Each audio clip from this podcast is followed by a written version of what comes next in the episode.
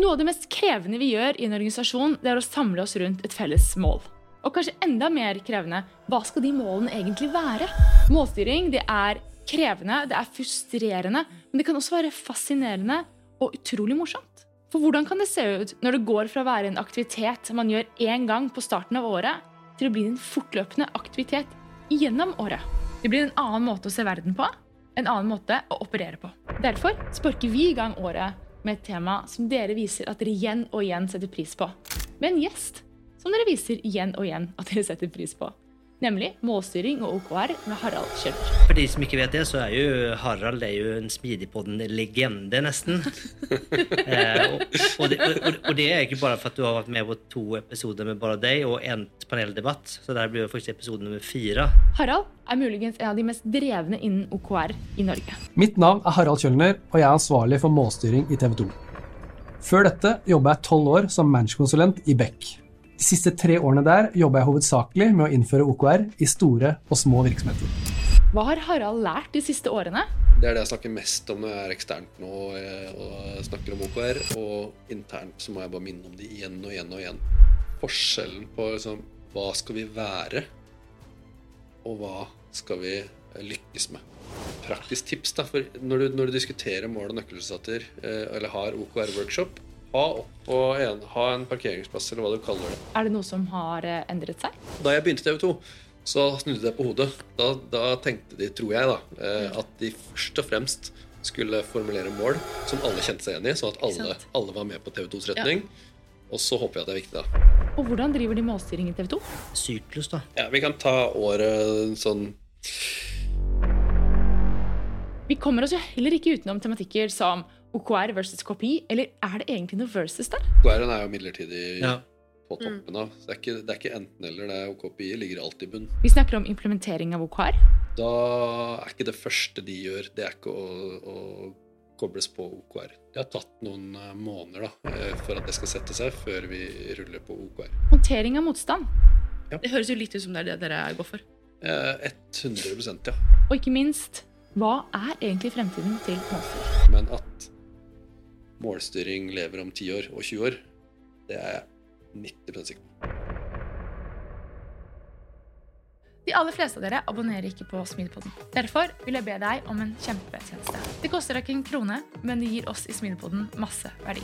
Gå inn der du lytter til Smidepodden og abonner, og gi oss gjerne en like om du mener at vi er verdt det. Da lover jeg deg at vi skal fortsette å gi deg kvalitetsinnhold med interessante gjester. Ønsker du deg tilgang på episoder før alle andre? I så fall så kan du bli en del av Smidepodden-fellesskapet. Gå inn på smidepodden.no. slash enkaffe. Vi vil takke vår partner som gjør Smidepodden mulig, Gnist. Tusen takk for at dere gjør Smidepodden mulig. Og ikke minst takk til Smidepodden-fellesskapet. Velkommen tilbake til oss, Harald. Takk. Da er det jo fryktelig lenge siden du har vært her. Og første gang fysisk? Først, ja, første ja. gang fysisk. Det er, det er faktisk sant. Ja, jeg tenkte faktisk på det. At det var det var liksom sånn knekkelige AirPods eh, sist gang. Jeg husker jeg satt i, satt i et stort møterom. Jeg husker Det var liksom veldig sånn en aula eller noe sånn veldig sånn spesielt møterom. Jeg husker jeg bare så på, på kameraet en gang. Mm, mm. Og det er jo, For de som ikke vet det, så er jo Harald er jo en Smidigpodden-legende, nesten. eh, og, og, det, og, og, det, er ikke bare for at du har vært med på to episoder med bare deg og en paneldebatt. Så der blir jo faktisk episode nummer fire. Men grunnen til det er jo for at det er jo gjennom tidene så sitter du igjen med liksom flere liksom, av de mest avspilte episodene. Um, og, og, så er det det som også er, det er ikke bare, De gjør det veldig bra når de kommer, men det har en ekstrem sånn her evergreen-effekt. Så at uh, så even den første episoden den liksom ligger og tikker og får inn nye lytninger. Så det er så mange som tenker å, kanskje OKR, og så Harald, og så er vi der. Dæven, altså, neste gang skal du få diplom, Harald. Så kan du ja. henge det på kontoret ditt i TV 2. Den skal stå bak meg hver, hver gang jeg er på Teams, ja. Men det er ikke det vi skal prate om bare i dag? da? Nei, Vi skal ikke snakke om diplomer og sånn. Um, vi skal selvfølgelig snakke om uh, målstyring og OKR. Det er det som er din uh, expertise. Mm. Man kan si det sånn. Um, skal vi bare sparke i gang med, det, med tematikken, da? Vi gjør det. Mm. Nå har du jobbet mye med OKR i TV 2, uh, og andre organisasjoner, selvfølgelig. Hvordan er det du jobber med å identifisere og prioritere hvilke deler av organisasjonen som skal starte å jobbe med OKR først? velger du ut hvem som er liksom mest moden? Eh, nei, nå, nå er jo alle i TV 2 ganske modne, tror jeg. Men da vi skulle rulle det ut, så Først og fremst eh, begynne med de som er, har mest interesse, først. Mm. Eh, og utnytte den interessen og, og få det til å bli suksesshistorier. Um, så men i TV 2 har det vært ganske enkelt. Da. Det har vært besluttet at alle skal i gang med det. Um, men da har det vært eh, da, område for område, da. Ja, ok, men Var det mer en sånn type Big Bang? Nå gjør vi det? Og ikke en fase Jeg, da jeg kom inn, så hadde ulike miljøer blitt uh, rulla på gradvis. Ikke en Big Bang, men eh, litt og litt. Og det som typisk uh, ja, kjennetegner på de som ble rulla på, er Eller jo, det skjer jo gradvis til, i tid og annen ulike sammenslåinger av miljøer og splitting, omorganiseringer, da. Da er ikke det første de gjør, det er ikke å, å kobles på OKR. Da er det først eh, må de bli kjent med hverandre og sette teamet sitt og bli enige om hvem de er og hva de skal til for, som er en bestanddel i OKR, egentlig, da. Men når, når det har gått noen måneder, så typisk kobles jeg på og hjelper til å få, få i gang OKR-systemet for den avdelingen eller det teamet. da. Det var senest nå Siste miljø i TV 2, det var eh, marketingavdelingen vår som var nyoppretta for et år siden. Det har tatt noen eh, måneder da, eh, for at det skal sette seg, før vi ruller på OKR. Så kommer vi til å se eh, hele tiden eh, med organisasjoner som TV 2 og andre som hele tiden gjør små endringer. Da må det, da må det settes inn eh, krefter da, til å få det til å sitte. Men er det enkelte områder eller fagfelt der det liksom går lettere? Altså der liksom man tenker at det er en høyere sannsynlighet for suksess, hvis man kan sette på den på den måten? Med OKR Ja, altså der det kommer mer naturlig på noe vis, eller liksom der du har sett at det liksom er kanskje en del av måten man tenker på eller jobber på for før. Nå, Selvfølgelig så er det jo kontekst og selskapsavhengig, men om du er liksom tilbake på karrieren som konsulent, om det kan liksom, det er liksom enkelte områder der liksom den implementeringen faktisk har gått lettere, og du kan se det liksom med mønster. Ja, altså Utviklingsteam og de som har, eh, bruker mest av tida si på uh, nyutvikling, nye ting og produktutvikling, der er det lettere. For Det er fordi så å si alt de driver med, styres av OKR-er, mål og nøkkelstater, eh, og, og gjøre nye ting. Uh, tyngre i drifttunge uh, miljø.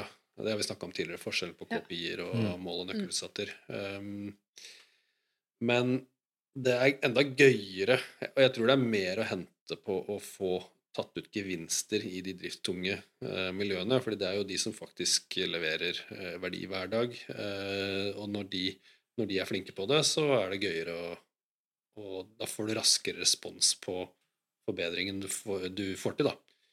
Når du lager et nytt produkt, så tar det en stund før det får traction i markedet, og, og du får realisert verdien av det. Mens hvis du gjør en forbedring i, i noe operativt i driften, så får du svar på det med en gang. Mm. Og de, de er ofte veldig stolte når de har, få- når de har skjønt greia med, med målstyring. Altså, ja, nye, nye miljøer, men så nå Vi hadde en liten eh, organisasjonsendring nå eh, gjennom sommeren. sam- Sammenslåing av to, eh, to avdelinger.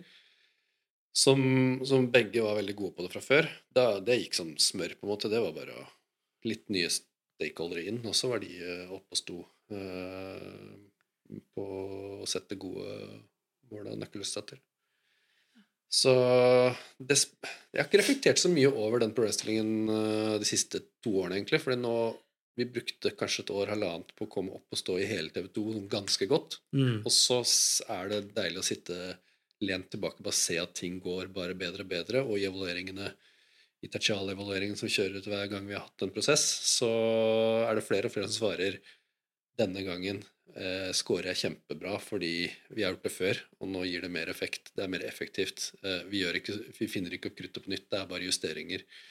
Og da tenker jeg yes. Og, for, og det er tida til hjelp, ikke sant? Mm. Mm, for hver ny iterasjon så er det flere som, eh, som eh, opplever det sånn, og andre Da setter vi inn støtet der vi trenger å øke forståelsen mer, da. Er det det? Er det forståelse, eller hva, hva tror du det er som gjør at du liksom føler at Eller er det for at det ikke blir Det er ikke så stor endring, eller er det hva er det som gjør at de føler at det her faktisk var bedre? Eller nå føles det som at liksom, det gir verdi? Først, en viktig forutsetning for at folk skal øhm, skjønne OKR, bruke det riktig og like det, er at øh, lederen og teamet er all in og, og prøver helhjertet, da. De stedene det Det er noen steder fortsatt i TV 2 det å gjøre som venstrehånd fordi noen har sagt at vi må gjøre det. Øh, Og typisk at når vi kjører en revidering, så sitter de og snakker til meg øh, i, i teammøtene sine, og jeg prøver bare sånn dytte blikket deres på hverandre. Eh, der, eh, der tror jeg Da oppleves det som ren rapportering, da, som ikke gir verdi. Men ehm, ledere som eh, er all in, og team som er all in, og at de har klart å knytte liksom, det de driver med å formulere mål på, som forbedringer på det de faktisk jobber mot, den litt høyere himmelen. Hva er det vi i programavdelingen egentlig jobber mot? Jo, det er at vi skal skaffe ikke bare en ny Kompani Lauritzen og en ny forræder, men tre nye sånne. Ok, da må vi virkelig endre atferd. Og en sånn ekte ønske om å bli bedre på ting, og har lyst til å, å etterprøve at vi faktisk gjorde det. Og når du, når du skjønner den dynamikken, da, at det jeg gjør i hverdagen, eller det teamet vårt gjør i hverdagen, det, um, det, er faktisk, det er de tingene vi er enige om, og vi får det til, da Det er de som gir positive feedbacken. Da. Mm. Og så har de ofte, når de er fornøyd, så, så, så skjønner de at dette ikke er så tidkrevende, egentlig. Det er, det er som jeg Det pleier jeg alltid å si, da. Vi setter mål i hverdagen. Vi, eh, det har dere alltid gjort. Eh, Vi snakker om hva vi skal lykkes med. Det har vi alltid gjort. Vi snakker om tingene vi skal gjøre for å få det til. Det har vi alltid gjort. Forskjellen nå er bare at vi følger med at det faktisk stemte. Og når, når eh, de teamene som har catcha det, skjønner det, så, så da bruker de ikke lenger tid på det. Og det er bare gøy å se at du eh, fikk til det du, du var enig om, da. Mm. Eller motsatt. Men har de da noen form for altså, rutiner i løpet av uka? Hvor de setter seg mål, følger det opp? Sånn? Eller er det mer en adhoc-basis? Er det noen forskjell på det? Nei, vi, har- vi pleier å eh, Hver nye måned så går det ut en, eh, en eh, automatisk generert beskjed. Nå er det tid for check-in, eller innsjekk. Og så sender vi Slack. Vi bruker Slack da, Ja. til sånn målstyringsbeskjeder. Om at nå er det ny måned, så da anbefaler vi alle å bruke neste teammøte på det. Så i de driftstunge timene så har vi fått etablert den, eh, den månedlige eh, hyppigheten. Og det tror jeg holder der, der hvor du som for I mitt team i målstyring så er 50% av tiden går med til vanlig drift. Da holder det med, med en gang i måneden å justere resultatene våre. Mm. Eh, I utviklingsteam så syns jeg man burde gjøre det litt hyppigere. Uh, men vi har, ikke, vi har ikke begynt å tukle for mye til der sånn nå. Eh, men der bruker man jo tradisjonelt ukentlig standup eller annenhver uke standup. Det handler egentlig bare om å gå gjennom uh, den backloggen du jobber med der, eh, og så i ny og ne da kikke til mål og nøkkelutsatter og være enige om omprioriteringer der. Men det styrer teamene selv. Så det er ikke liksom sånn, det er ikke sånn, sånn gjør vi det i TV 2, utan det er egentlig Vi har OKR i TV 2, vi har fokus på effekt, men hvordan dere på en måte implementerer det og følger det opp, det styrer det egentlig selv, og så finnes jeg her for å hjelpe dere hvis dere vil. Er det liksom veldig forenkla sånn? Ja, men minstekravet er at uh, alle skal formulere mål og nøkkelutsatter for hvert tertial, og så knytte oppgavene sine eller opp mot de forretningsmessig overordna målene. Mm. Uh, og så de flinke og så er det de beste timene gjør det til en månedlig revidering under der. Den legger ikke vi oss sentralt borti. Som igjen eh, har de, de ukentlige check-insa uh, knytta opp mot det igjen. Så vi har noen veldig velfungerende team som jobber på akkurat den måten. Da sitter de i målstyring, eh, og, hele, og får, da får lederen for det området en, eh, en eh, diskusjon med teamlederne en gang i uka på fremdrift på ting de gjør. En gang i måneden så sjekker de hvordan ligger vi an på det vi sikter på, og justerer deretter. Og for hvert tertial så setter de sammen uh, nye mål da, uh, som spiller opp på TV 2s hovedsatsinger. Der har jeg jo kanskje vært inne på hvor legger vi inn trykket, og hvor velger vi å ta tak først. da, For de, der var det en, en fremoverlent Det er en fremoverlent eh, teamleder eller uh, områdeleder som vi har hjulpet til Der har vi sparra mye på hvordan vi skal bruke OKR i det daglige. da. Og det har satt seg på en fin fasong. Og så skal vi ta tak i res, flere deler av uh, digital produktutvikling vår, da. Og så er det Ting henger sammen nå, da, for det er jo um, Det teamet jeg snakker om her, det er de som jobber med TV2.no. Det er litt sånn enklere verden enn TV2 Play, som i TV2 er liksom ganske mange, mangehoda troll. Det er vanskeligere å løse de, de, løser flere ting, de har flere stakeholdere osv. Der er det på langt nær like lett å få OKR til en velfungerende styringsmodell. Da. Fordi det er veldig mange avhengigheter både til stakeholdere ut, utover og internt inn i produktutvikling. Da. Mm. At det er ikke bare at ett team kan lage én ting, det er kanskje syv team som må lage ting i parallell. Og det, det, er vanskelig i alle styringssystemer. Hvordan skal du klare å få det til å henge sammen mm. uten at du har et gammeldags fossefallsdiagram? Mm. Vi skal klare det også etter hvert. Ja. Uh, litt tilbake til um, Du sa det var liksom noen som er litt frampå, noen som er det, Når man snakker tradisjonell en, altså typ endringsledelse, så tenker man ofte at ok, um, for å få til endringen jeg vil, så har du ok, det beste er å ta, få med seg de som er leading. Ja. Og de som er lagging, er det litt sånn Ok, men dere kan bare være der. Mm. Og så har du de i midten, som du også ønsker liksom å få med deg. Og så har du troa på at ja, men leading de kommer etter hvert til å liksom engasjere så mange at til slutt så blir alle eh, med på det. Ja. Det høres jo litt ut som det er det dere går for. Eh, 100 ja. ja. Eh, så vi har begynt der hvor interessen har vært høy, og motivasjonen uh, høy, og så har det funka. Og så vil det i alle organisasjoner være et strekk i laget, da. Eh, og, mm. så har vi Der hvor det er direkte motstand, eh, så har vi selvfølgelig prøvd. Eh, men det er ikke noe vits i å Ja. En eller annen gang så må du bare si greit, da venter vi et år til. Og så prøver vi på nytt. Ja. Ja. Har du sett, eller kanskje har nesten gjerne hatt et eksempel på der, du, der liksom endringen enten kulturelt eller eh, mindset-messig har endra seg gjennom at man har fått fokus på, på effekt, og kanskje indirekte da samarbeid, samhandling, eh, der du kan, liksom, kan se at her har det faktisk skjedd en endring. Jeg opplever at da jeg eh, begynte i TV 2, så hadde TV 2 veldig mange overordna hovedmål og det, det, hadde de først og fremst fordi alle i hele TV 2 skulle kjenne seg hjemme i noe. Eh, og så ble det ikke brukt til prioritering, som jeg syns er noe av det viktigste med OKR. Det er å samle som noen få ting å prioritere. Så man utsatte egentlig problemet og dytta det lenger ned i organisasjonen, så at når det kom til de taktiske valgene, så ble det Så krangla man da om, eh, om ressursene og hvem som ikke gjorde hva, osv. Eh, I dag opplever jeg at OKR virker virkelig brukes til uh, faktiske prioriteringer og ta diskusjoner up front. Um, vi er i disse dager uh, i gang med å formulere måla for neste års uh, hovedsatsingene for TV2 for neste år.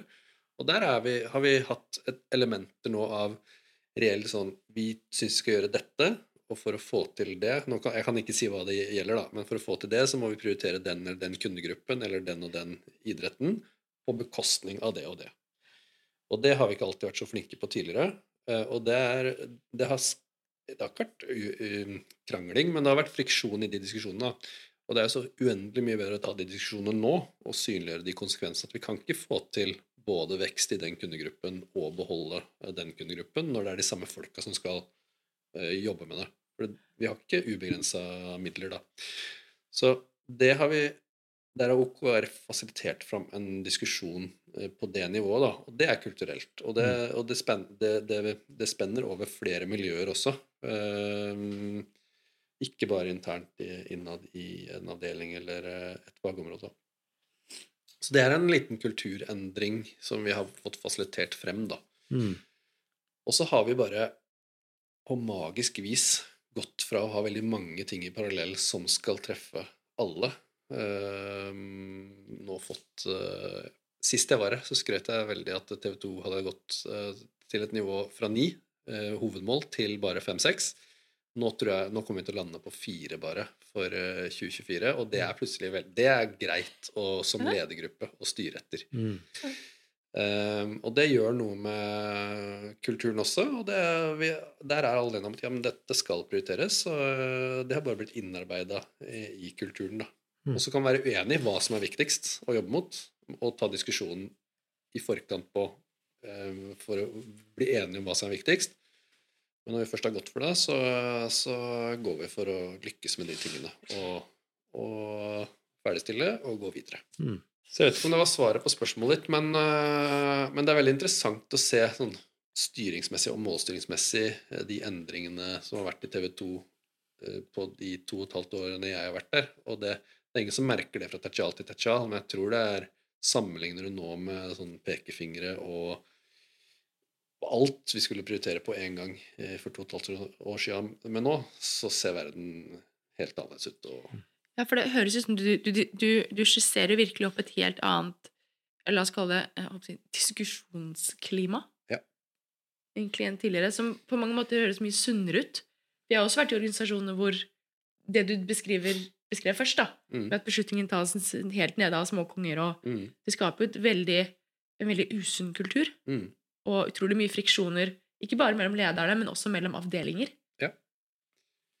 Ja, og så, og så kom den i, I går diskuterte vi i ledergruppa diskuterte totaliteten i hovedsatsingen. Vi har nye kandidater, og så må, vi kan ikke velge alle. Og så ble det da en, en veldig um, 0-1-innstilling på en måte til eh, hva som kan være måla for neste år. Og da var det en av, en av de rundt bordet som kommenterte at ja, men hvis vi kommer med disse, summen av det her, tror jeg ikke er dekkende nok for organisasjonen vår. Da vil det være noen som føler seg at, at vi ikke dekker bredt nok. Eh, for vi treffer kanskje ikke noen av journalistene våre.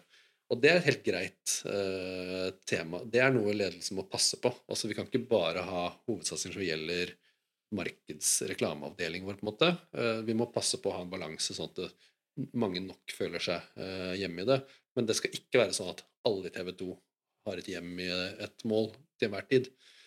Men eh, da går diskusjonen på ok, men da må vi sikre den balansen og, unnskyld, og passe på at vi, vi treffer bredt nok, men ikke for bredt igjen. Mm. Og, og prioritere typisk sånn, Hvis det er maks fire mål, da, hvilke, hvilke fire har den riktige miksen av de rette tingene å gjøre, og de rette, eh, den rette bredden i eh, det vi skal lykkes med? Mm. For nå eh, Det her var veldig interessant. Fordi jeg har vært i organisasjoner hvor man eh, prøver på mange måter å å please ansatte ved nettopp det der. Ja, men da hører ikke, føler ikke de seg hjemme, eller eh, alle, må, alle må få litt. Ja. Eh, og, og jeg har alltid tenkt at Men det er ikke derfor du setter mål. Du setter jo mål hva som er strategisk viktig for organisasjonen.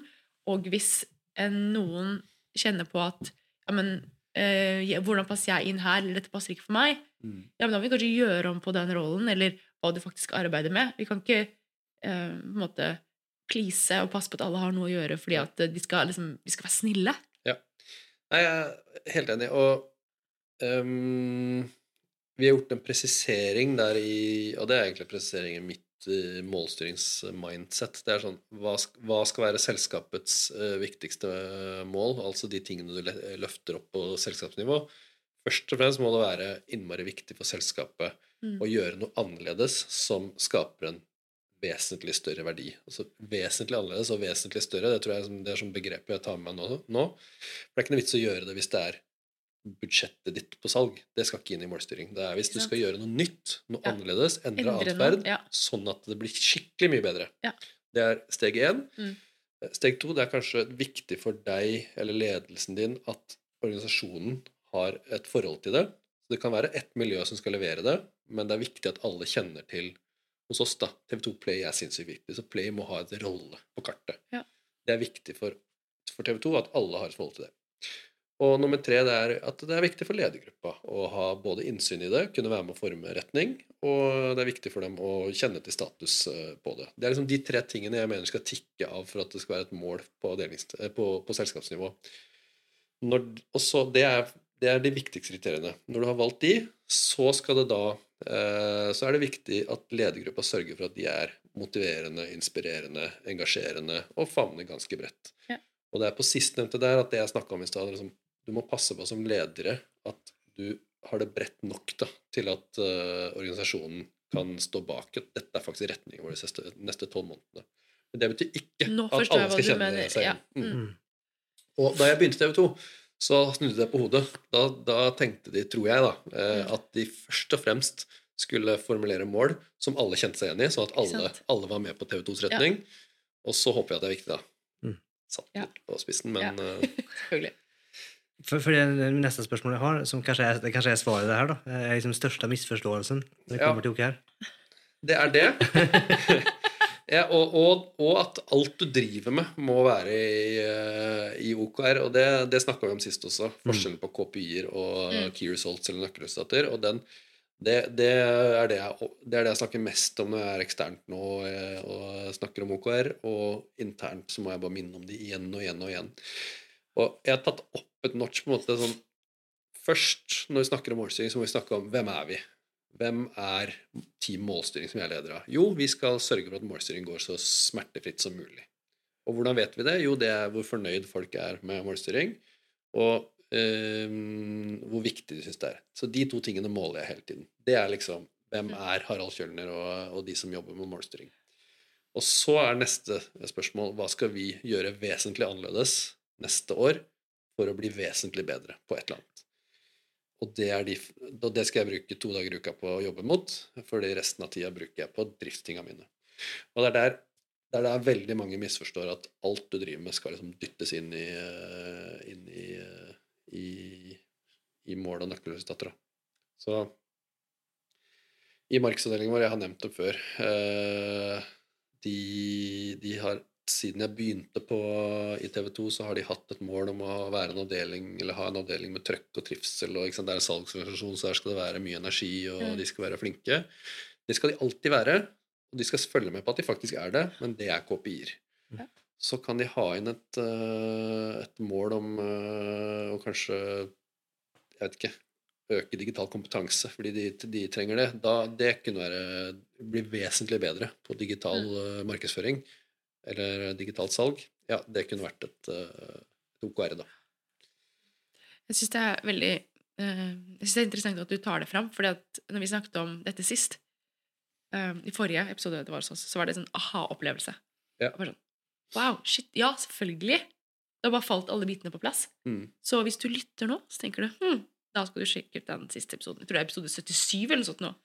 Ja, og jeg skal, og nå kan jeg bare ta det videre til sånn praktisk tips. da, for Når du, når du diskuterer mål og nøkkelresultater, eh, eller har OKR-workshop, ha, en, ha en parkeringsplass eller hva du kaller det, med på en måte driftsting. Så fort det kommer et mål som egentlig er drift, flytt det fysisk dit. Om det er på Miro-boardet ditt eller på tavla di. Så får du til slutt opp ganske mye der. Eventuelt om du bare tømmer hodet før du begynner, da, for alt mulig som er drift. Det er det ene tipset. Um, og det andre er ehm, forskjellen på liksom, hva skal vi være, og hva skal vi eh, lykkes med. For det er den derre å være en avdeling med trøkk og trivsel, det er noe liksom du alt Det er, det er drift, eller det hører hjemme der sånn, mens det er de tingene du skal løfte deg på. Eh, Det, det er også greit å det er greit, eh, for Uansett hvilket team du er, så bør du ha stilt deg det spørsmålet og ha et svar på liksom, hvem er vi? Og det har, det har også blitt klarere for meg siste året. da. Vil du ha smidig faghjelp, løsninger og inspirasjon rett inn i innboksen? Så gå inn på smidigpodden.no slash nyhetsbrev for å melde deg på. Det får meg til å tenke på ting, fordi det var litt tilbake til det du sa egentlig helt i starten. fordi ofte når jeg jobber med team, så begynner vi med ok, hvem er vi, hva skal vi være, mm. hvorfor eksisterer vi? Og så blir de sånn ok, men nå må vi sette mål. Og det skal de gjerne gjøre med en gang. Mm. Men helt i starten så sa du ja, men det kan du godt vente litt med. Ja, men i nye teamet Ja, i nye team, ja. Jeg ville, jeg ville blitt kjent først. Mm. Så ble- vært enige om hvem er vi og, og um, hva skal vi drive med. Og så bli litt kjent med ok, hvordan er det vi jobber godt sammen. Mm. Og så um, Og grunnen til at det kan gå litt tid, er fordi egentlig så bør du jo sette mål. Hvem er vi? Mm. eller hvem vil vi være? Ja. Og så ser du på hvem er vi i dag, eller hva er status i dag, mm. og så er det egentlig gapet der du ønsker å sette mål på, da, og der det er størst gap, så setter du liksom Ok, vi skal, være, skal ha trøkk og trivsel, men i dag er vi triste og hater hverandre. Ja. Ja, da må vi ta tak i det. og da setter du et mål om å løfte make market great igjen, ikke sant. Um, og, og du må jo rekke å lage den der utgangspunktet Ja, før du kan sette de riktige målene. Og det er derfor jeg mener at de må få, de får Ja. gå seg litt til og finne ut hvor skoen egentlig trykker, mm. før du skal løfte deg. Men i, de, i nye produktutviklingsteam, da, Ja. hvor du vet at du skal lage noe, så bør du jo kanskje ha en retning på arbeidet. Du burde jo Eh, den, forhåpentligvis. ja. Så når jeg snakka om det der sammenslåtte i, Ja. I kjølvannet av organisasjonsendring, så er det ofte to um, siloer ja. av en, en form som brytes opp med et mål om å få til noe på en ny måte. Mm. Der tror jeg det er lurt å la det gå en, en litt kalendertid, og rett og slett la det sette seg litt rann før du, før du Ja. har de store visjonære måla. Det er jo litt modig, da, tenker jeg. da. Det, det tror jeg er ganske tenker de fleste er ganske øh, sulten på å sette de målene hot ut av gaten. For at man liksom er kanskje redd for at det blir retningsløst og usikkerhet og Ja. Jeg, jeg, husker jo en organisasjon jeg var i, uten å nevne navn. Så ble jo eh, satte man ny organisasjon, og en fin eh, reorg. Eh, hvorpå ledere ble valgt. Før teamet en gang fikk tid til å summe seg og vite hvem som var i teamet, så skulle lederne sette OKR-er. Ja. Og det var jo en interessant øvelse, um, for å si det sånn. Ja. Det, vi satt jo på nytt igjen. Ja. En eh, stund etterpå. Ja, det antar jeg. Ja. Så jeg vet ikke om det var så verdifullt å bruke masse tid på å sette Nei. for taktiske mål, men det vært veld, jeg tror det har vært verdifullt å samle folk og si sånn hvem, hvem er vi, og hvem burde vi være, og hva skal vi jobbe mot, eh, og hvor er vi noen år der fremme? Det opplevde vi veldig verdi av. Eh, Men å konkretisere veldig konkrete nøkkelresultater og bruke mye tid på å få opp det eh, helt i starten, ville jeg, det ville jeg ikke gjort. Nei. du sa det litt tidligere at dere har syklus på fire måneder. Ja. Og da Hvordan ser den liksom, overgangen ut på en eh, ny, ny syklus, da? Er alt oppe til diskusjon nå? Er sånn, eh, eller er Nå? Nei, når du får fire måneder er ferdige, så skal du måtte sette neste fire måneder. Ja. Eh, Hvordan liksom er eh, si, kontinuiteten, og hvordan liksom Det er jo sikkert noe læring, det er noe effekt, det er noe man Hvordan, ser, hvordan får den overgangen over til liksom neste syklus, da? Ja, vi kan ta året sånn Nå er vi i desember, og i siste halvdel av november så begynte vi å berede grunnen for nytt år. Ehm, Da i, i, i T1-prosessen, som vi er midt i nå, da setter vi hovedsatsinger for eh, året. Så har vi sagt at hovedsatsinger i TV2 de gjelder for 12 til 18 måneder. Så du, etter 18 måneder så skal de være uh, gjennomført, men, men kan også ha kortere varighet. Så, og da er det en litt lengre prosess på å få de opp å stå, for de må jo være litt mer gjennomtygde. De skal være førende for hele organisasjonen. Så der starter vi den prosessen i midten av november med, med sånn Nå er det mulig for alle å, å nominere kandidater. Og så eh, ble det jobba, har det vært jobba i de ulike miljøene med å lage sine forslag til hva eh, som burde være fokus. Og så var det i går, 12.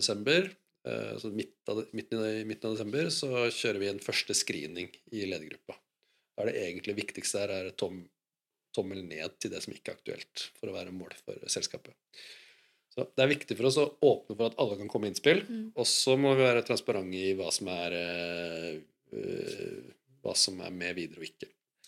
Så i går Så det skjer egentlig helt på en måte altså, uavhengig av selve altså Det er en før, førprosess, egentlig, for å måtte samle og sørge for at du får opp nok med gode, gode Ja. ideer gode initiativer. Og i praksis så er det jo ting som har vært snakka om over lengre tid, at, at burde være eh, oppe på agendaen, um, som, som konkretiseres som satsinger. Så det kommer ikke sånn 28. november kommer det noe nytt gull som plutselig eh, opp av hatten. Så det er, og det tror jeg er for de fleste store organisasjoner, at man har en formening om 2024 burde vi være i, i Du har kanskje en produktstrategi eller noe sånt, da, så nå er det det vi må ta tak i.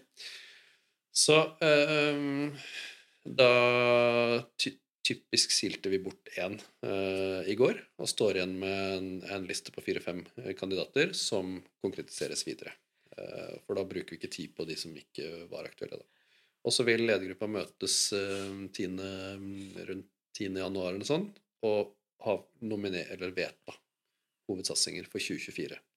Og det sparker i gang neste eh, avdelingsnivå, som da eh, vurderer sier, setter sine mål, før vi møtes i ledergruppa to uker seinere og har det vi kaller utsjekk. Da, da, da får vi svaret på har vi den kapasiteten, og er det prioritert der det burde være prioritert. Deriblant eh, i blant eh, digital- og produktutviklingsenhetene våre, for det er jo der den største flaskehalsen ofte er, har vi faktisk de folka, som, kapasiteten på folk, som vi har lagt til grunn for å nå disse målene.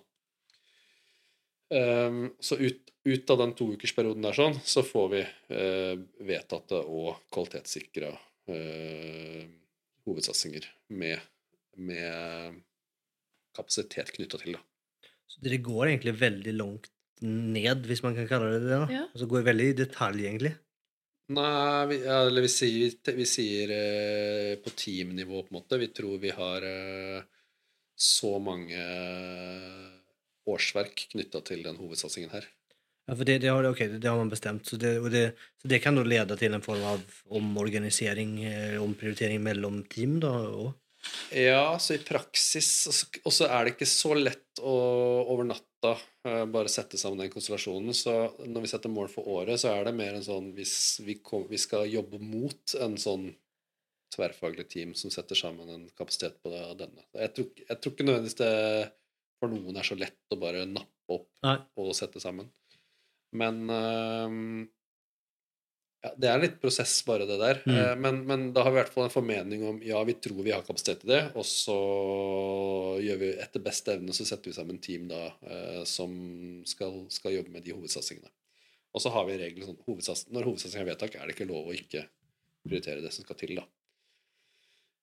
Og så når, eh, etter de to ukene så setter teamene mål eh, i, i teamene. Da. Så da får vi, og etter det igjen så får vi en endelig fasit på tror vi faktisk det er kapasitet til det. Mm. Så vi, vi går ikke mer detaljert enn vi tror vi skal bruke to team eller tre team eller så tolv folk eller 15 folk på denne problemstillingen. Mm. Yes, det, var, det er i januar, så ut derf, da er det jobba egentlig litt over en måned med hovedsatsingene eh, på ledernivå, og så setter eh, teamene tertialmål for det, da. Og hvert tertial så møtes eh, så, så reviderer vi både i ledergruppa og i alle avdelingsledergrupper disse um, hovedsatsingene. Og der vil det alltid være små justeringer på ambisjonsnivå og retning vi har gjort noe læring. Så da um, Og det, det har vi satt i system, da. Så da er det den som eier satsingen, som, som, som redegjør for viktigste læringspunkter og forslag til justeringer uh, ut av den prosessen. Og da, da snur vi sakte, men sikkert på skuta. Da. Og der kommer det til Akkurat nå så er på en måte alle hovedsatsinger litt i spill. Jeg tror nok en eller to av de vi har per nå, kommer til å leve over nyttår også, i 2024 også, men i en litt annen drakt. da. Så vi, vi kaster ikke de fem vi har nå, og så tar fem nye, men en kursendring da, som er litt større fordi det er nyttår. Mm. Og så vil det være mindre kursendringer uh, gjennom året, før vi har ny desemberprosess ett år frem i tid. da. Mm. Vi graver litt dypere i jorda. Mm. Men KPI-er, Um, de er ikke liksom en del av det her. Det er noe som teamet egentlig bare bestemmer og styrer selv, egentlig uavhengig av prioritering og diskusjon på tvers og i liksom hele den prosessen dere kjører. Ja, kopi Vi har jo definert Alle team vet jo hvilke kopier de har. Og de De er får ikke lov å bestemme det selv. Nei, for, for, for, for de, er, de er som fasta. Ja. Ja, så de er, og, og de, de, de er ikke oppe for diskusjon. Altså her, for, for, det, eller, for det går jo å tenke seg, altså en KPI kunne jo ha gått så dårlig så at det skulle bli en OKR. Ja. Og derav så har vi færre kopier. Og så kunne jeg tenkt en sånn scenario på noe vis, at det er som er den ja, men hvis en kopi går dårlig, så er den fortsatt en kopi. på en måte. Du bare har et OKR-tillegg. OKR-en er jo midlertidig Ja. på toppen av. Så det er ikke, det er ikke enten-eller. det er OKPI KPI ligger alltid i bunn. Og så er det Og de er de samme, og de er faste. Ja. Og så er det varierende grad hvor mange som jobber aktivt og strukturert etter dem. Altså. Eh, Men det har ikke noe med målstyring å gjøre. Det har noe med generell virksomhetsstyring, tror jeg. Eh, Men vi, vi, jobb, vi jobber opp i utviklingsteam, f.eks., og få etablert et sånt KPI-sett for alle team. Det har ikke alle fått opp å stå. Mm. Um, Så det skal vi få på plass. Ja, for det, for det er kanskje litt det, for det er jo ofte Opplevelsen min er jo at någonstans på veien så blev ju litt glemt. Mm. Eh, og at man kanskje har på en måte så veldig mange både organisasjoner og team har jo kanske eh, i beste fall kanskje nesten OKR som kunde vært KPI och så Ja. er det liksom det er der det står da. Ja. Eh, Så liksom den dynamikken og hvordan Det er liksom på en måte liksom, på en måte litt deilig å høre kanskje se at, du liksom, at det, det er ikke alle som har det oppe og står, og at det er noe de jobber med. At det er liksom, Og det, jeg sitter Jeg, jeg har mitt bitte lille uh, halvannenmanns målstyringsteam. Eh, jeg fortalte om de KPI-ene i stad, men jeg sitter i ledergruppa til organisasjon og kommunikasjon i TV 2. det fikk, vi fikk ikke det på plass før for eh, et halvt år siden. Eh, vi begynner hvert eneste Vi møtes annenhver uke, da. Så har vi mm, to timers møte som vi kutter ned hvis det ikke er nok saker. Men det, jeg er så glad, for det er hver eneste gang møt, åpner vi det møtet med ti minutter. Det er min agendapost, KPI-er og nøkkelresultater. Og da tar vi først opp et uh, kjipt Excel-ark med tolv rader med uh, ulike KPI-er som har en eier rundt bordet. Hvor jeg eier målstyring, uh, Stine eier kompetanse, osv. osv. Og så går vi ikke gjennom hver hver gang. Det er mer er det noen som har oppdatert noe siden sist, og er det noen som har noen røde flagg. Og så diskuterer vi det som er relevant da, da. Og så har vi en liten sånn fargeindikator på at de burde vært oppdatert, og er det ikke, for å minne oss på å faktisk um, oppdatere de, da. Så det er, så vi bruker fem minutter på det, og så har vi fem minutter på mål- og nøkkelresultatene. Og det, det er ikke sånn at vi går gjennom hvert eneste, der, det er bare har det skjedd noe siden sist. Mm. Og det gjør vi da Vi gjør det til en ti minutters sak hver gang, så det er ikke så innmari omstendelig, men det er supernyttig å minne oss på Ok, vi sa faktisk at eh, strategisk Hvordan vi kommuniserer strategi, det har vi sagt at det var viktig for oss å jobbe med nå. Hvordan ligger vi an der? Og så er vi bare mennesker, så vi blir jo tatt av eh, hverdagen, vi også. Men den lille påminneren der eh, annenhver uke, som tar fem minutter, den gjør at vi får gjort sikkert 20 ganger mer da, gjennom et år på de tingene vi som, som løfter TV 2. Hvis ikke så hadde vi blitt slukt av eh, bare drift. Så supernyttig, og det er ikke sikkert vi har noen, noen nøkkelresultater som kan oppdateres fordi det er ikke hyppig nok, eller vi har glemt det. Men det er fortsatt bedre å se på det enn ingenting, da. Og de som Og det er som alle andre team, liksom. Det er noen der som oppdaterer hver gang. De, de fremstår jo flinke i jobben sin, og så er det noen som ikke er like flinke på det. Helt fair, for det er folk har mye å gjøre. Men til slutt så, så får vi det inn og stå som en regelmessig rutine, og, og vi styrer etter liksom, data. Da. Mm. Det er konge, og det er, det er gøy nå.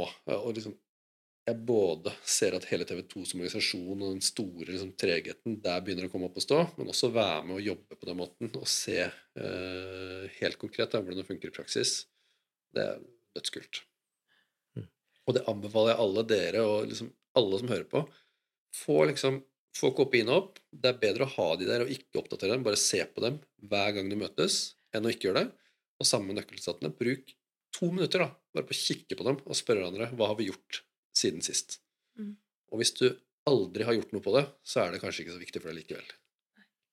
Harald, jeg har et, eh, et spørsmål. Jeg må litt, zoome litt, eh, spole litt tilbake. Fordi en eh, erfaring jeg har gjort meg fra store organisasjoner når man jobber med, med målstyring, strategiske mål egentlig for organisasjonen, det er at ofte så ender det opp i en, en liten sånn skvis, det er ikke skvis, en situasjon hvor man har kanskje avdelingsledere nedover i organisasjonen som har eh, saker eh, de brenner veldig for. Og så har organisasjonen satt seg noen mål, så passer egentlig ikke de elementene så veldig godt med organisasjonens mål. Ja. Og det de gjør da, er at de tweaker på det, så det skal passe. Ikke sant? Så de kan lure det inn allikevel. Ja, men det har kanskje noe med det å gjøre, det, det hører under det målet der. Det er sånn klassiker. Uh, og så har jeg mine Hørt tanker i TV 2. Og så har jeg mine tanker nå basert på hva du har sagt, hvordan man kan kanskje mot, uh, måte, belyse det da, og arbeide med det. Men hva, hvordan hva, hva, har du gode, gode Ja, råd? For jeg tipper det er ganske mange lytterne som kjenner Ja. til den problemstillingen der. Den refleksjonen har jeg gjort, ja. Hvis jeg har forstått det riktig, jeg kan ta et eksempel. Vi, ha, vi hadde en, eller jeg har en hovedsatsing i dag, som jeg har snakka om før, som handler om at TV 2 skal bli hjemmebane for norsk idrett. Mm. Og den har vært ganske bred, litt for bred, så vi gjør en liten justering på det fremover. Men der har veldig mange miljøer eh, formulert mål og, og argumentert for å prioritere kapasitet til det. Ja, fordi det bidrar jo til at vi blir hjemmebanen for norsk idrett. Ja. Ja, det er helt riktig, men, men spør du de som driver hjemmebanen, eier den og leder den, så trenger ikke de det eh, akkurat nå. Kanskje litt lenger ned i veien. Akkurat nå er det ikke det som er viktigst. Nå er det noe annet som er viktigere. Og, og det har blitt tydeligere og tydeligere for meg at eh, hovedmåla må være litt eh, Og nå er det kanskje bann i kirka for noen, det, men det må være litt toppstyrt òg. Det må være det du har behov for å lykkes med, som, eh, som man må prioritere. Mm. Og så har man mulighet til å foreslå. Jeg foreslår at vi gjør det her fordi det bidrar til hjemmebane. Men det er jo noen stakeholdere som kjemper om de samme kapasiteten. Da Mm. må de få lov å være med og, og være enige, da. At det er riktig å bruke tid på, på den type ting. Ja. Og i det tilfellet jeg snakker om her, så hadde det ofte vært nei, vet du hva, det er viktigere at vi, det er viktigere at vi får uh, tennis uh, opp og stå, eller uh, Ja. noe sånt, da. Ja. Så det er Og da er problemet det problemet forsterkes med det vi snakka om i stad. Når du har lagd ni hovedsatsinger for TV 2 som skal favne alle, Ja. så kan alle bare argumentere for at ja, men det bidrar jo exactly. til uh, Ja. vår retning. Ja. Så det skrur vi litt til nå, Mm. og gjøre spissere. Um, I 2024 så kommer våre hovedsatsinger til å være tydeligere på Vi, tro, vi har troa på dette virkemidlet, som, Mm. endringen i atferd, egentlig, som skal bidra til en vesentlig endring i effekt. Um, og vi tror at det er disse tingene som må til. Ja. Også være litt mer sånn det er, Og det, det skal de miljøene i utgangspunktet gjøre. Så kan de utfordre at vi tror ikke det du foreslår, kjære leder, det har ingen effekt. Så det, det gir ikke mening. Ok, greit. Da, takk for innspill. Og så åpner vi også for at det kan komme miljøer og si sånn Men nå ser jeg dere har tenkt dette. Vi kan jo også bidra med øh, det perspektivet og det perspektivet. Og det kan gjerne være en god idé, men da må på en måte den, den som eier det målet, være enig, da, og at det er riktig å prioritere. Mm. Fordi det kommer til å, å prioriteres på bekostning av noe annet. Mm. Og det skal vi ha en viss um, kontroll på. Men det er, det er jo en del av den derre tight, loose, tight-tankesettet, det. Hvor du skal ha litt uh, en mening om hvor du vil, og, og hypotese på hva som skal til. Så åpner det opp for initiativ til forslag til hva du kan gjøre. Men så må vi ha Vi må i hvert fall vite hva konsekvensene av å gjøre en ting er. For Det, har alltid en konsekvens for noe annet. Det er noe annet du kunne gjort isteden. Mm. Og det må vi være enige om, da. Ja. Og det har vi fått til, mener jeg, i TV 2 på en måte som ikke er uh, så fryktelig omstendelig. For det har liksom, det har innarbeida seg noen Det er jo ikke sånn at alle jobber med alle hele tiden. Og øh, så lenge du har kontroll på hvem er stakeholderne dine, Mm. og avtale med dem, så funker det der fint. For det er ofte som eh, man, te- Klassisk organisasjon er jo veldig top down, og så blir det jo en på en måte en eh, moteffekt av det blir jo da button up. Ja. Men eh, jeg tenker jo egentlig at du vil ha begge deler, og det er Mm. dynamikken der, og det er litt det du beskriver egentlig, at det, liksom, det, det er noe som går opp ifra og ned, og så kommer det noe som går nedifra og opp. Ja. Så må liksom, du må liksom ha en, det må liksom gå i noen iterasjoner der Ja. for å finne på en måte riktige ting på riktig nivå. Ja, og Og virkelig, den føler jeg sjelden fungerer spesielt godt. Og det er jo en ekstremt vanskelig øvelse. da. Det er kjempevanskelig. Og misforstå meg rett, eh, når, jeg, når jeg sier sånn toppstyrt, sånn, så er ikke det meningen at du skal, du skal Det er ikke en ledergruppe som skal sitte og si 'lag dette', men det er, skal, det, det, de skal si 'vi skal lykkes med dette', og det har vi troa på, og det velger vi at vi skal sette av kapasitet til. Og så er det så kan de som ehm, faktisk skal ha den kapasiteten og løse det problemet, de kan utfordre tilbake. Vet du hva, det du foreslår der, eh, gir ikke mening. Fordi, men du må ha fordi. Hva skal vi gjøre isteden? Og det skal vi gjøre fordi det har den eh, verdien. Men da, da sparker det i gang en diskusjon om er det riktige hovedsatsinger, er det riktig mål i hele tatt. Det er liksom den dynamikken og forhandlingen du har i det grensesnittet. Og så har du det bottom up-greiene, som, som de kan gjerne komme og si vi burde også være med å bidra på dette målet, Mm. fordi Mm. Men da må det også være en forhandling i, i det grensesnittet. Mm. For det har alltid en konsekvens å prioritere å gjøre noe, for det er noe annet du ikke gjør. Nettopp. For det er liksom, og det husker jeg, Tobias, du sa det til meg for mange mange år siden. Du sa du at eh, når du prioriterer noe opp, så prioriterer du noe annet ned. Ja. Og det er jo den forståelsen eh, man kanskje ikke alltid har, da. Fordi Ja. man selv er så opptatt av at eh, mitt skal opp. Mm. Da glemmer du litt at det gjør at noe annet faktisk går ut. Ja. Så Og det- kanskje er viktigere, egentlig. Ja. Helt riktig.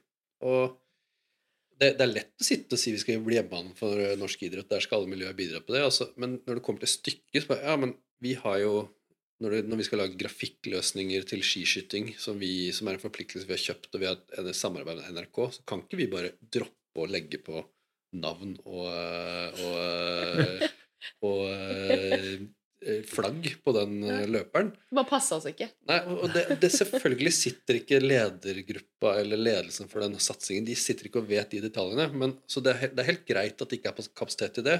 Og da må grafikkteamet si ok, vi kan prioritere det du sier der, men det går på bekostning av skiskyting.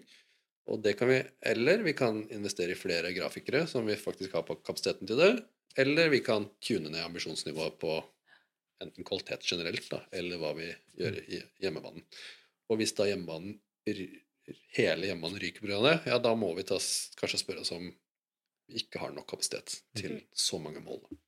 Er det for bredt? Og det har det vært i TV 2. Det har vært liksom en av ulempene våre. Eh, Det har vært for bredt. Da har det vært mye som har vært bakt inn i ganske store satsinger. det skrur vi til litt nå. Med den konsekvensen at eh, da blir det kanskje litt for taktisk igjen, da. Så da men da kommer vi tilbake til vi, vi må ha en høyere himmel. Hvor skal vi være litt der fremme? Så vi, må, vi sikter Når vi gjør prosessene våre i desember nå, så sikter vi mot en litt høyere himmel. Så vi har en formening om hvor skal vi være der fremme, da. Men for det får kanskje med at det får til, liksom til neste punkt som er jo um, um, det er lett å tenke at målstyrning är en greie som du kan bare implementere, og så er du ferdig, og så har du kanskje løst masse problemer. Og så har jo du fortalt igenom, hvis du snakker her nå, ganske mye intressant. Du, du bruker egentlig målstyring for målstyring, og du har feedback og det er undersøkelser, og det er ganske mye ting. Kunne du snakke litt mer om det? For det, är liksom, det høres ut som at eh, det det har vært en kontinuerlig forbedring, en kontinuerlig reise. Og der dere måtte, læringen dere får, har dere måttet tatt videre. Ja. Som er veldig langt unna for å måtte implementere noe ferdig fiks og god, god natt. hører jeg på å si. Ja. Eh, så ja, kan du fortelle litt mer om hvordan liksom, dere har tenkt, eller du tenker rundt målstyring som en levende ting? da? Ja, jeg tenker Jobben min er tredelt. Eh, Det ene handler om å fasilitere at prosessen skjer. liksom Sørge for at eh, folk blir minnet på at nå er det på tide med ditt og datt, og sette datoer og sånn. Det andre er å faktisk fasilitere fram mål der det, der det trengs eh, hjelp til det. Eh, og det tredje er å, å kontinuerlig forbedre, da. Sånn som alle andre team og eh, organismer må gjøre det. Og i starten var det veldig mye å forbedre, og da var det da var det ting som ble Da levde jeg etter mottoet 'det blir alltid bedre neste tjal'. og da, da ble det liksom skrudd til uh, en del hele tiden. Men nå har vi kommet dit uh, i TV 2 at vi, vi er ganske fornøyd. Og så har jeg vært bevisst på å ikke komme med for mye endringer hele tiden. Da. Så vi kjører, vi kjører feedback, um, spørreundersøkelse, uh, etter hver prosess. Da får vi inn på en måte anonyme innspill. Og så har vi en sånn utvida målstyringsgjeng i hver avdeling som samles uh, for mer sånn dyp diskusjoner om hva burde vi ta tak i, og, og da blir vi enige der på en måte hvor, er, hvor skal vi løfte oss neste gang. Men nå har vi nå har vi lagt bak oss et år uten så veldig store endringer i riggen vår, og det tror jeg er veldig behagelig. Mm. Mens nå, når vi nå går inn i en ny prosess med nye, nye mål for 2024, da, så kjører vi samme slengen, en liten sånn som jeg sier, skru til eh, på et par sånne småting. Men det kommer ikke til å egentlig flagges som noen endringer. Det er bare Det, det gjøres i, i malverk og den type ting. sånn at folk tenker ikke over det. Det er noe jeg tenker på å ha forankra med, med noen få, da. Um, og sånn kommer det nok forhåpentligvis til å være fremover. At det, det er ikke, målstyring er ikke noe sånn greie. Det er bare way of working. Og senest i stad så var det noen som refererte til at nå har det satt seg skikkelig, og, og det er nok ingen som fra Tertial til tertial tenker over at eh, det har blitt mye bedre. Men hvis jeg hadde bedt folk sammenligne med hvordan det var for tre år siden, så tror jeg ikke man ville kjent igjen hvordan det var å jobbe med, med mål- og målstyring. Da. Lener du deg noen ganger tilbake og bare tenker sånn åh, for en jævla god jobb. Eh, nei, men jeg er, for, jeg er stolt. Jeg har fått det til. Så jeg lener Ja. meg ikke tilbake. Ja, altså, Ikke lener er deg tilbake, må... men liksom sånn Ja, jeg er Jeg er happy med der Ja. eh, vi er nå. Eh, Og så er det noen som eh, som forakter meg og syns jeg er en streit, struktur, eh, djevel som trer noe ned over dem som, eh, som ikke passer. Eller sånn du går i, i hallene på, eller korridorene på TV 2, så ser du sånn bilde av deg som sånn djevelhår. Ja, ja. Bare kysset på veggen. Nei, men så det er sånn én, to, tre stykker som, som eh, ikke Av 40, da, typisk, som alltid svarer eh, terningkast én på dette og bare syns det er helt tull. Men så lever jeg helt fint med det, Fordi for hver av de som svarer én, så er det kanskje dobbelt så mange som svarer en sekser, da. Eh, og så er det mange i midten som bare ser det som eh, en, en ok ting. Som det, det er en struktur. Tiden eh, løper ifra oss den i gjør det. det. Og jeg tenkte ikke vi skulle ta de fem siste, for at eh, Det har vi gjort fem ganger før, si. det har vi gjort fem ganger før. Men jeg jeg tenker at eh, jeg har noen siste spørsmål likevel. Eh, og jeg skulle tenke liksom din eh, Hvis du ser tilbake, vi var liksom inne litt på det, men liksom din, nå har du jobba ganske, ganske mange, mange år. Eh, liksom, hva, sånn helt, helt overordna, liksom, hva, hva, hva sitter du igjen med? Hva er som liksom, din, For din egen del, liksom, din egen eh, utvikling og karriere liksom, med målstyring som hverdag på noe vis? Nei, det, det, det er det jeg trakk fram i stad. Altså, det morsomme med hvor gøy det er å se Som konsulent så kommer du inn, og så har du analysert det fram til og anbefalt dette som o store greia, OKR. Mm. Så er det jo egentlig ikke det, ikke sant? Og nå og, Du må ikke si det. Nei, men det er, det er jo bare en felles måte å, å gjøre ting på. Men eh, for meg så var det første året halvannet å forklare hva som er bra med den o store greia. Men nå er det ikke det lenger. Nå er det bare Ja, så kommer det, er det i gang igjen. Um, så, og det da å sitte og faktisk bruke det i hverdagen også på en måte som ikke er sånn derre Og nå kommer Harald med agendapunktet sitt igjen, men det er bare det er de ti minuttene. Ehm, og bare se hvordan det funker. Og, hvor, og jeg skjønner jo hvordan de små bitene vi snakker om der, eh, henger sammen det. Og bare erfare at flere og flere skjønner det, det er eh, Det er helt Jeg hadde antatt det, at det ble sånn, men eh, hvor det er sinnssykt gøy å, å ha jobba lenge et sted med dette og se, liksom, se det helt på ekte. da. Mm. Nå kom jeg på det jeg skulle si i stad, hvis Ja. jeg kan smette Ja. det. Eh, det var i forgårs, for vi, vi det var i forbindelse med et, et mini sånn omorganisering. Vi skal organisere digitalavdelingen på, på en ny måte. Ehm, og da er en av analysene, eller det vi må tenke på, er hva er de ulike stakeholderne sine mål fremover? Eh, for vi skal jo helst rigge oss sånn at eh, vi får mest fart og fokus på det. Og da refererte den ene i prosjektet til at ja, og når vi skulle finne, finne de ulike miljøenes mål, så var det jo bare så enkelt å gå inn i verktøyet vi har, og bare på ti minutter eh, få oversikt over det. For det er en For et konsulentmiljø som skal inn og gjøre den jobben, ut, hvis du ikke har noe verktøystøtte for det, så er det sånn to ukers eh, intervjuarbeid det, med å finne ut nyhetene. Hva er deres mål? Sporten er deres mål. Og det var liksom Og det, det er virkelig Hvis du lurer på business case av det, da, så har du der alene spart noen, eh, noen hundre tusen i konsulentfis, da. ja, det var gøy. Og det var bare sånn biprodukt av, eh, av det det egentlig brukes til, som er å snakke sammen om det i hverdagen. Da. Hvis du ser inn i krystallkrona Krystallkula, krystallkula hva, hva tenker du om måte fremtiden for målstyring og OKR? Og, hva, liksom, hva, hva, hva, hva tror du På generell basis? ja, på generell basis, hva, hva, Hvis vi sitter her om ti år, og, hva, Ja, snakker er vi om da? Liksom? Hva, har skjedde, liksom? Hva, Ja. Hvor står vi? Du kan, kan du både sånn eh, mikro, eh, tenke TV 2, liksom, men egentlig også liksom, makro liksom, Nei, på, er makro. Det er gøy. Ehm, hadde du spurt noen på Hadde du stilt det spørsmålet til en om balansert målstyring på 90-tallet, så hadde de ikke svart det samme som nå. Eller, vi vet fasit, da. Det er ikke sånn at alle i hele verden bruker balansert målstyring eller tilsvarende. Men jeg tror OKR øh, kommer til å leve ti år frem i tid også. Eh, og jeg tror det kommer til å ikke være en sånn greie som nå. Eh, jeg tror mange har tatt det i bruk. eh, eller jeg tror alle har tatt det i bruk, jeg, i en eller annen variant. Men jeg tror vi får splitt i de som, som har dedikert Som skjønner greia og er gode på det. Det blir sånn 20% Og så har vi alle andre som kommer til å jobbe strukturert med mål da, eh, i, i spesielt produktutviklingen sin. Og det tror jeg kommer til å leve i en hel, mye mer suksessrik grad enn tidligere målstyringssystemer, fordi det er liksom produktverden møter businessverden da, på en perfekt symbiose. For du har tallhodene, eller liksom, du har forretningsperspektivet, så har du produktutvikling og autonomiperspektivet, da. Og det tror jeg det, det, er På grunn av at de to perspektivene eh, felles har en interesse på en måte av at dette skal funke, og vi ser jo mange eksempler på at det funker, så tror jeg det kommer til å leve over tid. Men jeg tror det kommer til å være kalles kanskje noe annet. Sånn. Det kommer jo andre rammeverk, Must Win Battles, North Star Mythology, den type ting, som egentlig er det samme eh, hvis du gjør det på samme måte. Eh, men at målstyring lever om 10 år og 20 år, det er jeg 90 sikker på. Så blir det Ida. Har du noe siste skvise inn før vi sier ha det få så? deilig, da. Ja.